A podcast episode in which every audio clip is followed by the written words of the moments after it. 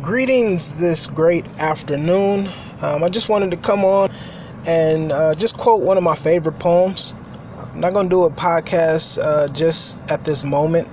I'm running around right now, but I just wanted to get on and quote one of my favorite poems. Maybe this poem will help you uh, where you are right now to um, weather the storm and just continue in strength.